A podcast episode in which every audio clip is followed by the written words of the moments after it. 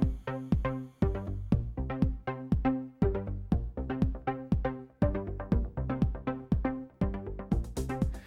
Velkomin að speklinum. Tvö félög sem norski bankin DNB taldi tengjast samherja voru metin í hættu á að vera nýtt í peningaþvætti.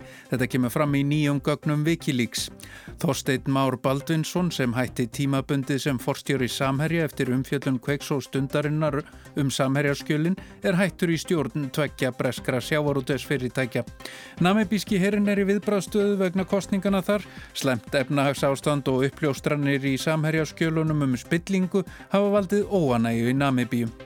Tveir ráðherrar í ríkistjórn Möldu og náinn samstarfsmaður forsættisráðherrans sögðu af sér í dag. Lögregla hefur hert á rannsókn á morði bladakonunar Daphne Galicia fyrir tveimur árum. Ólaður Þór Haugsson, héraðsaksóknari, segir að fjölga verði starfsmönnum á rannsóknarsviði embættisins um sex að lámarki.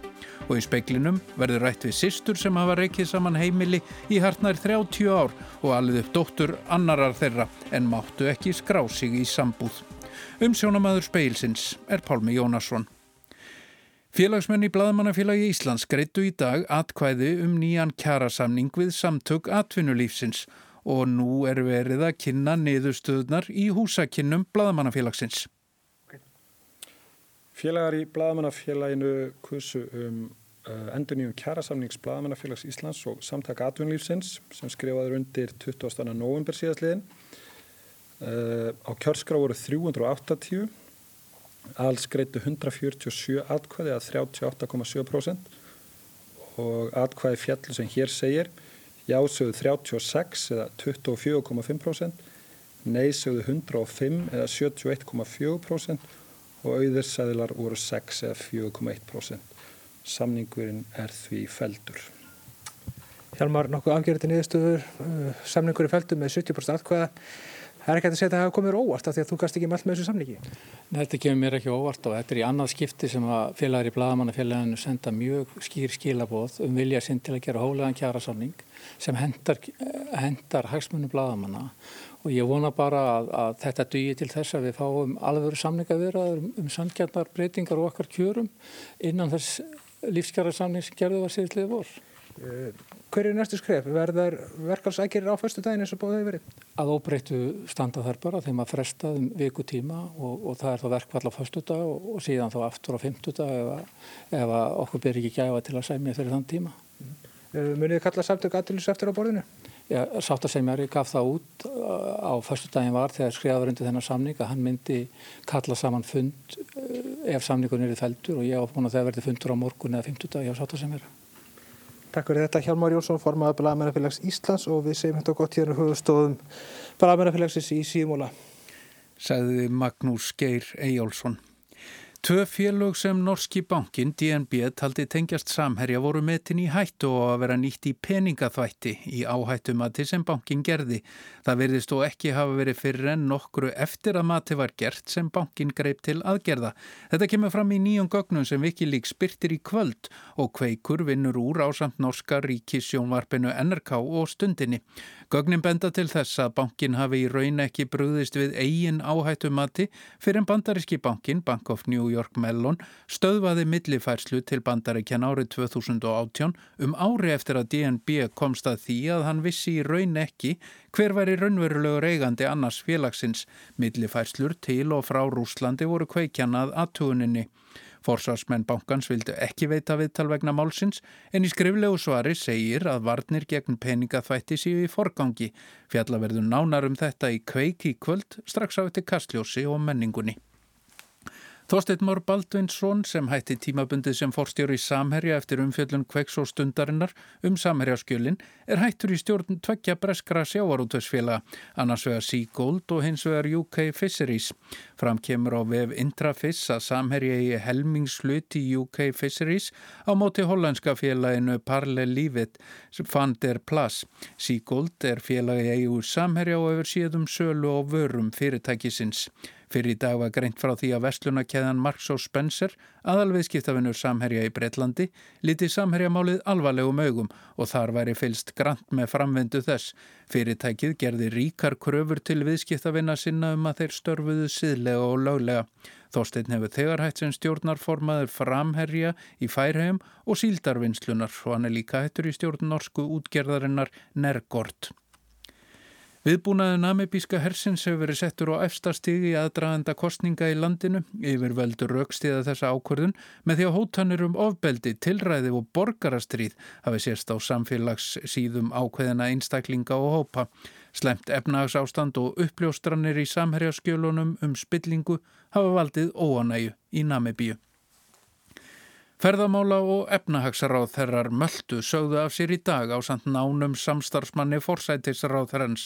Fjölmilar í landinu telja að afsagnirnar tengist því að lauraglan hefur hert rannsókn á morði bladakonnar Daphne Galizia fyrir tveimur árum. Konrad Missi, ferðamálar á þeirra greindi frá því síðdegis að hann hefði ákveðið að láta af ennbætti til að tryggja að Jósef Muscat, forsætisráð þeirra og ríkistjórn hans getur setið út kjörtímabilið.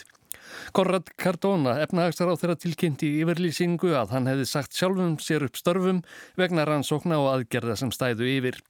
Uppsagning gengi í gildi þegar í stað. Keith Semberi, nánasti samstarfsmaður fórsættisera á þeirrans létt einnig á störfum í dag en án skýringa.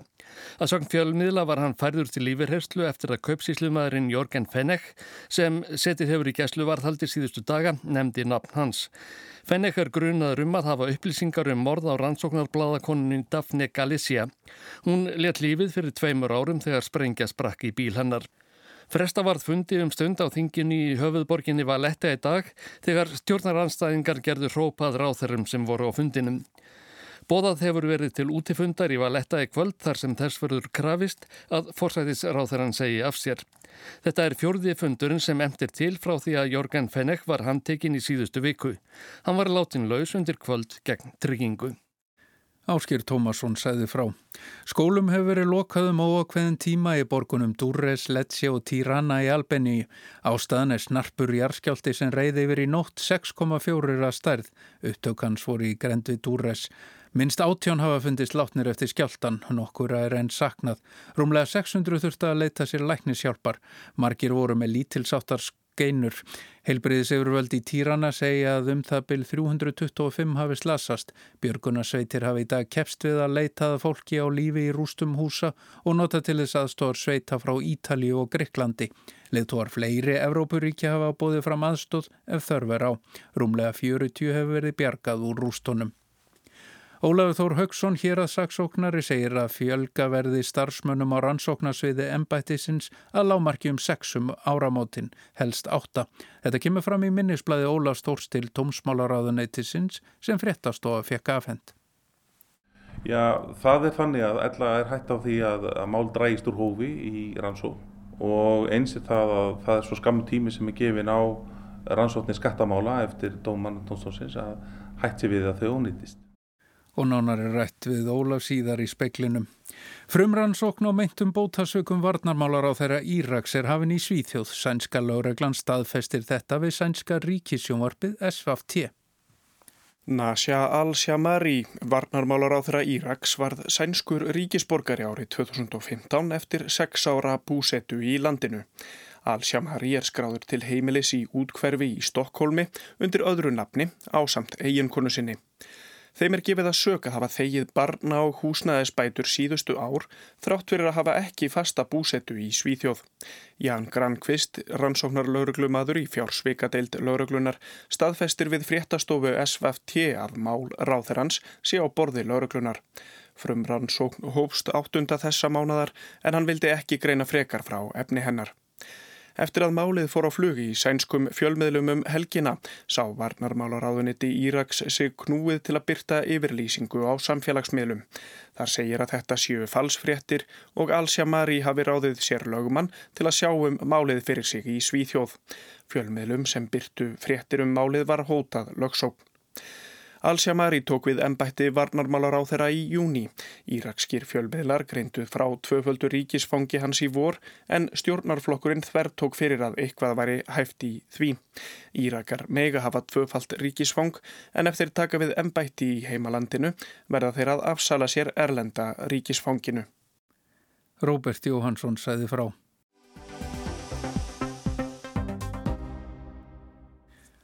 Af hverju móttum við ekki skrá okkur í sambúð, spyrja sýsturnar Otrún Vala og Ragnæðu Gíða Jónstætur.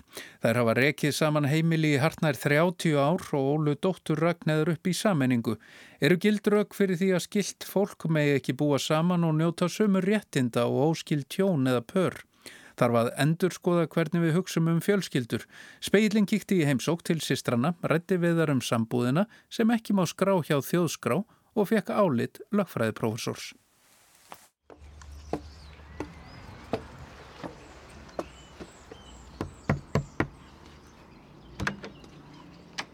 Halló. Hæ, hæ. Hæ. Kontu sæl og kontu. Ég heiti Ragnar Geða. Ég heiti Oddrún Vala. Og ykkar sambúð, já, hún tegið sér hvað? Tæp 30 ára eftir í tíman? Hún gerir það, já. Og hefur gengið ótrúlega vel öll þessi 30 ár. Reyndar erum við náttúrulega aldar upp saman. Það kom þarna bara smá hlið svona í millitíðinni. Þær fóru báðar til útlanda í nám þegar þær komu heim aftur leiðu þær íbúð í miðbænum með fleira fólki. Það kvarnaðist smám saman úr hópnum, sambílingarnir fóru sumur út í nám og svo var Dragnheður ófrísk. Og við ákvaðum að halda af aðalega efnagslegum ástæðum að halda þessari, þessu, þessu sambíli áfram. Það er fluttu í fallegt Bárujátshús í Skerjafyrði, byggu fyrst á jarðhæðinni en keiftu svo efrihæðina. Stúlkan sem þær ólu upp er lungu flutta heiman, þær búa þarna tvær með læðunni súpu. Ragnhjöður er kölluð Aggi en Oddrún hefur fengið viðunöfnið Mósi, það er stytting á Moster, móðursistur. Ég náttúrulega tók þátt í uppeldanar og það var náttúrulega að finna á mig eitthvað nafn sem að var aðeins meiri en frænga. Hafið ég lend mikið í fordómum ef fólk svona tala um að þetta er einhverjar tvær peipar í ungur þetta saman. Nei, Eitthvað svoleiðis. Ekki, ekki þannig en þegar, þegar barni var út, mjög út, sem sagt svona áður en hún náði tíu ára aldi og kom heim með nýja skólafélaga eða nýja vini, þá byrjaði hann alltaf að segja Nei, þar er ekki lesbjör, þar eru systur. Að mesta fyrðu vakti þó þetta, akkur kallaði hana monster. Smá miskinningur það. Það er segja ymsa kosti félast í þessu sambúðarformi. Já, aðalega það að við erum aldar upp af sama fólkinu, gerum hlutina eins eða mjög keimlíkt. Þannig að það, eru, það er lítið um svona, svona kvöndags árekstra yfir smáhlutum eins og viskuttstykkjum eða tangrastúkum, hvernig á að kristja þær og, og svona, eða hvernig á búum rúm, það, það bara, þetta rullar. Þú veist alveg að skærin eru í skæraskúfunni. Það er gengið frá. Við bara kunnum það báðar. Og, og, og það er svo margt sem við þurfum ekki að eigða tíma í að að, að hérna, tala um af því að það er bara sjálfvirt nema kannski stundum pólitík og ástætt heimsins við getum tekist á um það erum samt sammála en hann er kannski eilíti fasískar inn hinn Ok, það er okkur afsakanir. Og jú, svo skiptist þetta náttúrulega svolítið. Það er til dæmis, það er mikil skortur á verð, svona færni hjá, hjá hérna annari. Rýmisgreindin er engin, þannig að svona ditta að og smíða og laga, sauma, það lendir mjög mikið á annari.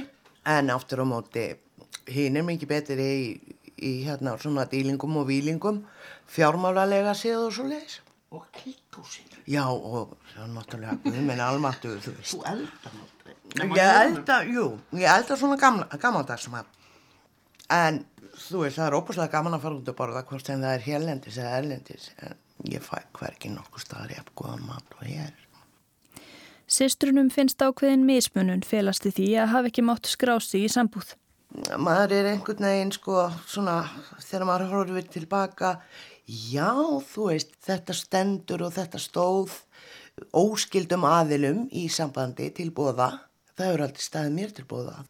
Það var náttúrulega því að þetta sambúðarform skildra er bara ekki löglegt, þanniglega séð.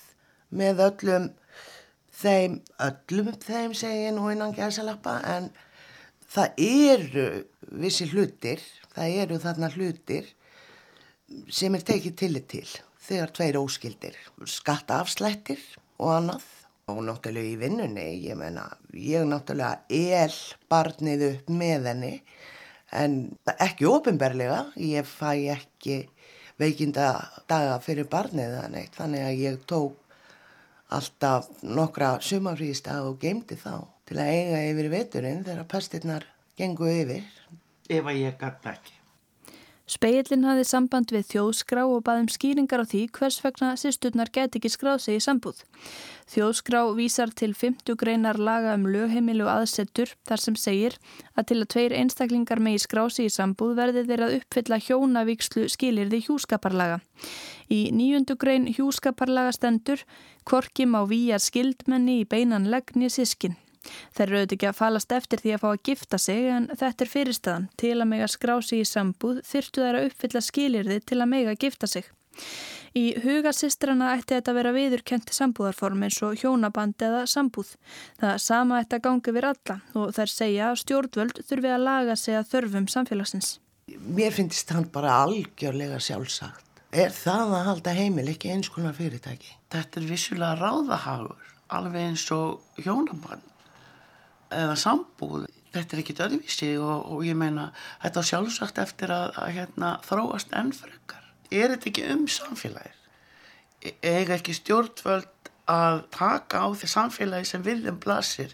Ef fólki finnst betra að búa saman fáir eða margir í hó er eitthvað að því? Þetta er í raun og veru sko að maður lítur til dæmis á baráttur sko hins eginn fólks þau eru loksins komin á sama stað. Akkur er ekki hægt að vika þetta út? Er þetta sambúðarform algengt? Fóreldri og uppkomið barn sem halda saman heimili, nánir vinir eða sískinni sem búa saman alltaf tíð? Ekki mjög verist vera. Lang flestir virðast fallað kjarnafjölskyldu flokkum hagstofunar, eru í sambúð eða hjónabandi með eða án barna, teljast til einstæðra fóreldra eða búa einir. Í manntalinu sem hagstofun tókara 2011 kom í ljós að á 3,5% heimila byggu tveir eða fleiri einstaklingar sem ekki voru í sambúð eða hjónabandi. Ekki var spurt frekar um tengsleira og því likur ekki fyrir hvort þetta er skilt fólk eða óskilt. Speillin spurði Hrefnu Fridriksdóttur, professor í fjölskyldu og erðarétti við Háskóla Íslands, hvort það væri hægt að breyta kerfinu og útvika réttindin þannig að til dæmis sískinni gætu skráð sig í sambúð. Væri það kannski bara lítið mál? Auðvelt myndi ég nú aldrei nokkuð tíma að kalla það. Vegna þess að ég segi við erum að skoða þarna ansi stóra og flókna mynd af fjölbreytum velferðastuðningi Kerfið gerir skýran greinarmun á hjónum og pörum annarsvegar og einstaklingum hinsvegar, jafnvel þó þeir velja að búa saman. Hrefna segir gengið út frá því að hjón og pör deili lífi sínu með sérstökum persónulegum og tilfinningalegum hætti. Það eru sterkar vísbendingar um að það fólk hafa einhver leiti aðrar þarfir heldur en einstaklingar, jafnvel einstaklingar sem að velja að búa saman eða í saminningu, eru með einhver verkefni í saminningu. Það er eins af vísbendingar um að það fólk sé ekki að hugsa sig sem einingu í sama mæli og það er alls ekki örugt að það myndi kæra sig um er skildur sem fylgja parsambandinu. Þetta er jú blanda af réttindum og skildum. Það er munur á réttindum og skildum hjóna og réttindum og skildum sambúðarfólks. Hjón erfa hvort annað og í hjónabandi gildir gagfæm framfærslu skilda. Í tilfelli sambúðarfólks er hvorki framfærslu skildan í erðaréttur en réttur til samsköttunar. Hrefna segir þetta vegna þess að lögjafinn hafi litið svo á að sambúðarfólk reyði sig á hvort annað tilfinningalega, persónulega og fjárhalslega.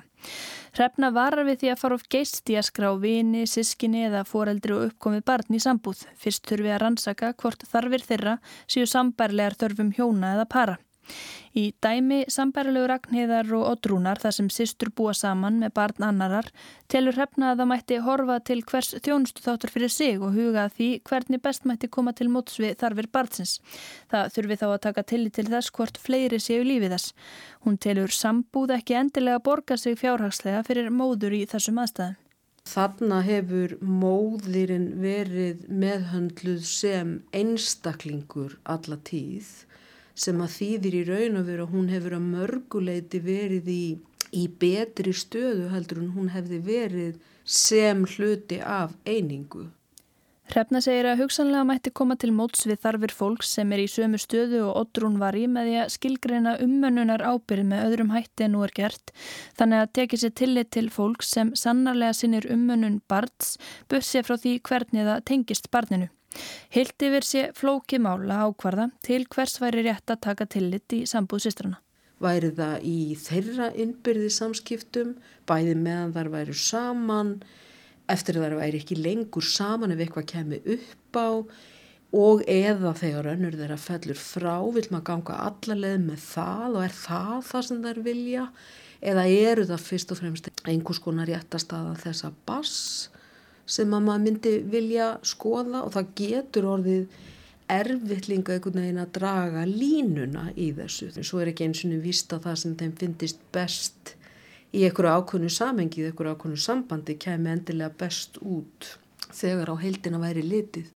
Þannig að það er ekki auðvelt verkefni að ákveða hvenar á að taka tillit til náinnar personlega samstöðu. Þar með er ég ekki að segja að við höfum endla dreyið línuna korrétt eins og hún er í dag.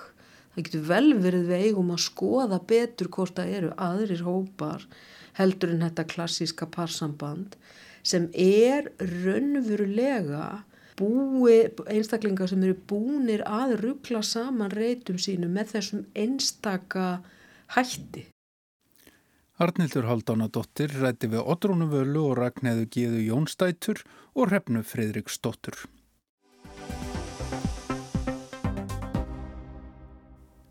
Ólafur Þór Högson hér að saksóknari segir að fjölgaverði starfsmönnum á rannsóknarsviði embættisins að lámarki um sexum áramótin helst átta. Þetta kemur fram í minnisblæði Ólafs Þórs til domsmálaráðuneytisins sem fréttastofan fekk afhend.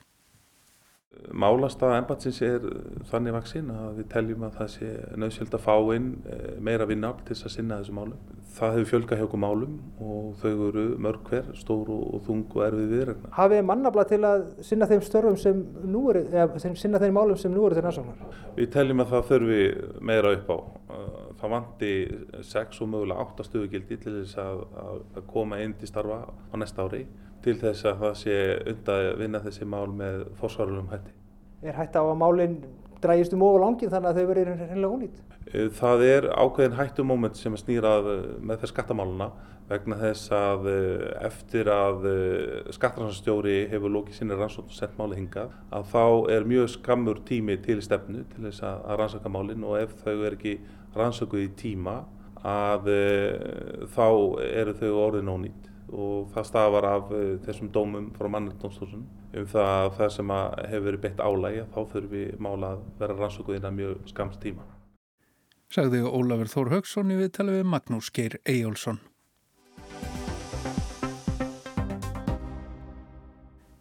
Kvalir binda meira af koldíoksíði en regnskóarnir og hjálpa til við að framleiðslu um helming af súrefni jarðarinnar. Hópur vísindamanna heldur því fram að ef kvalir eru verndaður og þeim fjölgað gætu þeir gengt mikilvægu hlutverki í að eigða gróður húsa loftegundum.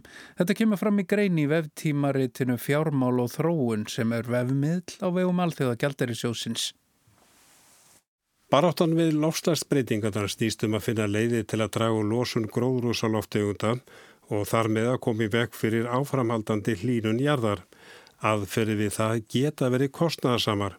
Hér á landi eru nú bunnar vonu við nýðurdælingu kólefnis sem breytist í grjót á stuttum tíma. Í greinni fjármálum og þróun er reyndar fullir það svo leið að grafa koldjóksið í jörðu sé flókin, órannsökuð og dýr.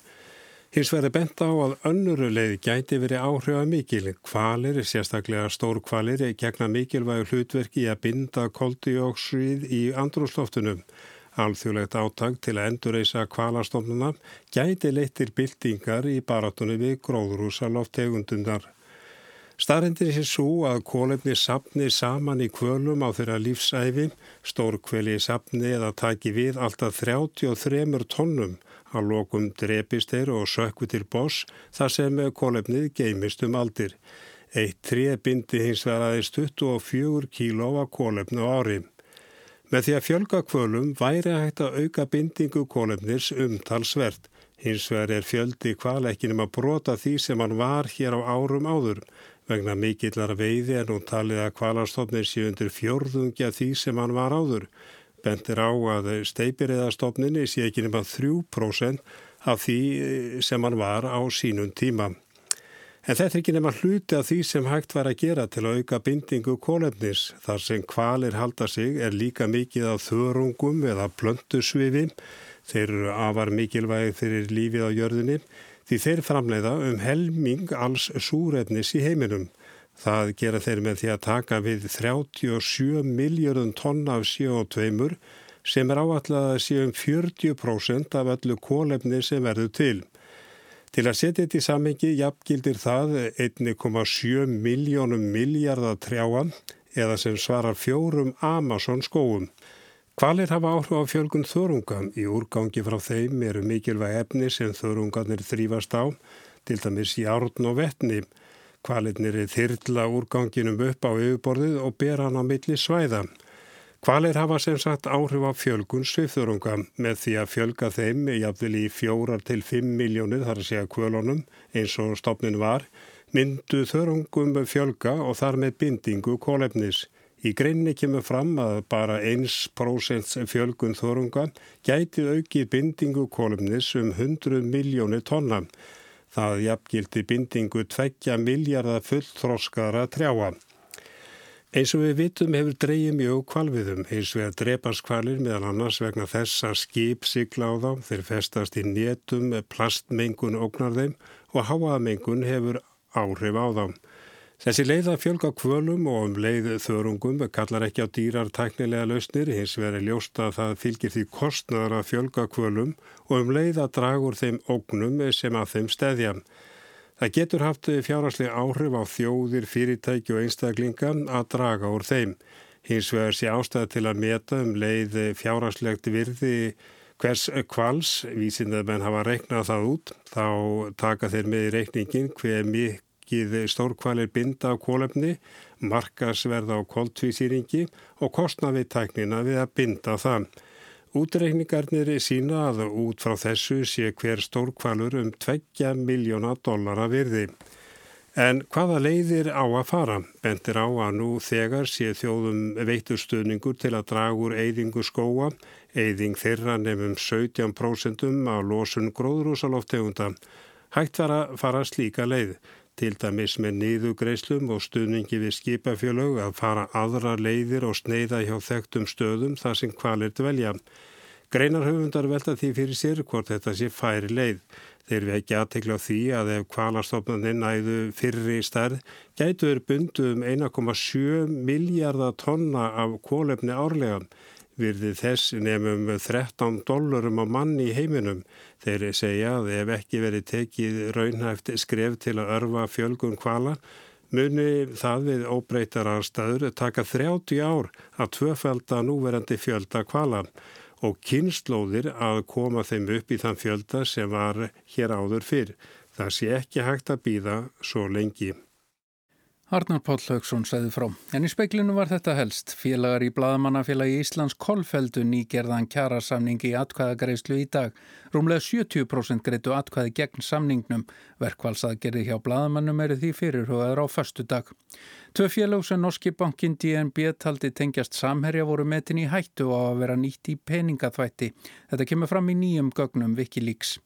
Þásteinn Már Baldvinsson sem hætti tímabundi sem forstjóri Samherja eftir umfjöllun kveiks og stundarinnar um Samherjarskjölin er hættur í stjórn tveggja breskra sjáarútusfélaga. Namibíski herrin er í viðbraðstöðu vegna kostningana þar, slemt efnahags ástand og uppljóstranir í Samherjarskjölunum um spillingu hafa valdið óanægu í Namibíu. Tveir ráðherrar í ríkistjórn Möldu og náinn samstarfsmaður forsætisráðherran sögða sér í dag. Lögregla hefur hert á rannsókn á morði bladakonunar Daphne Galizia fyrir tveimur árum. En það er ekki fleira í speiklinum í kvöld. Tæknimaður var Mark Eldrett. Verðið sæl.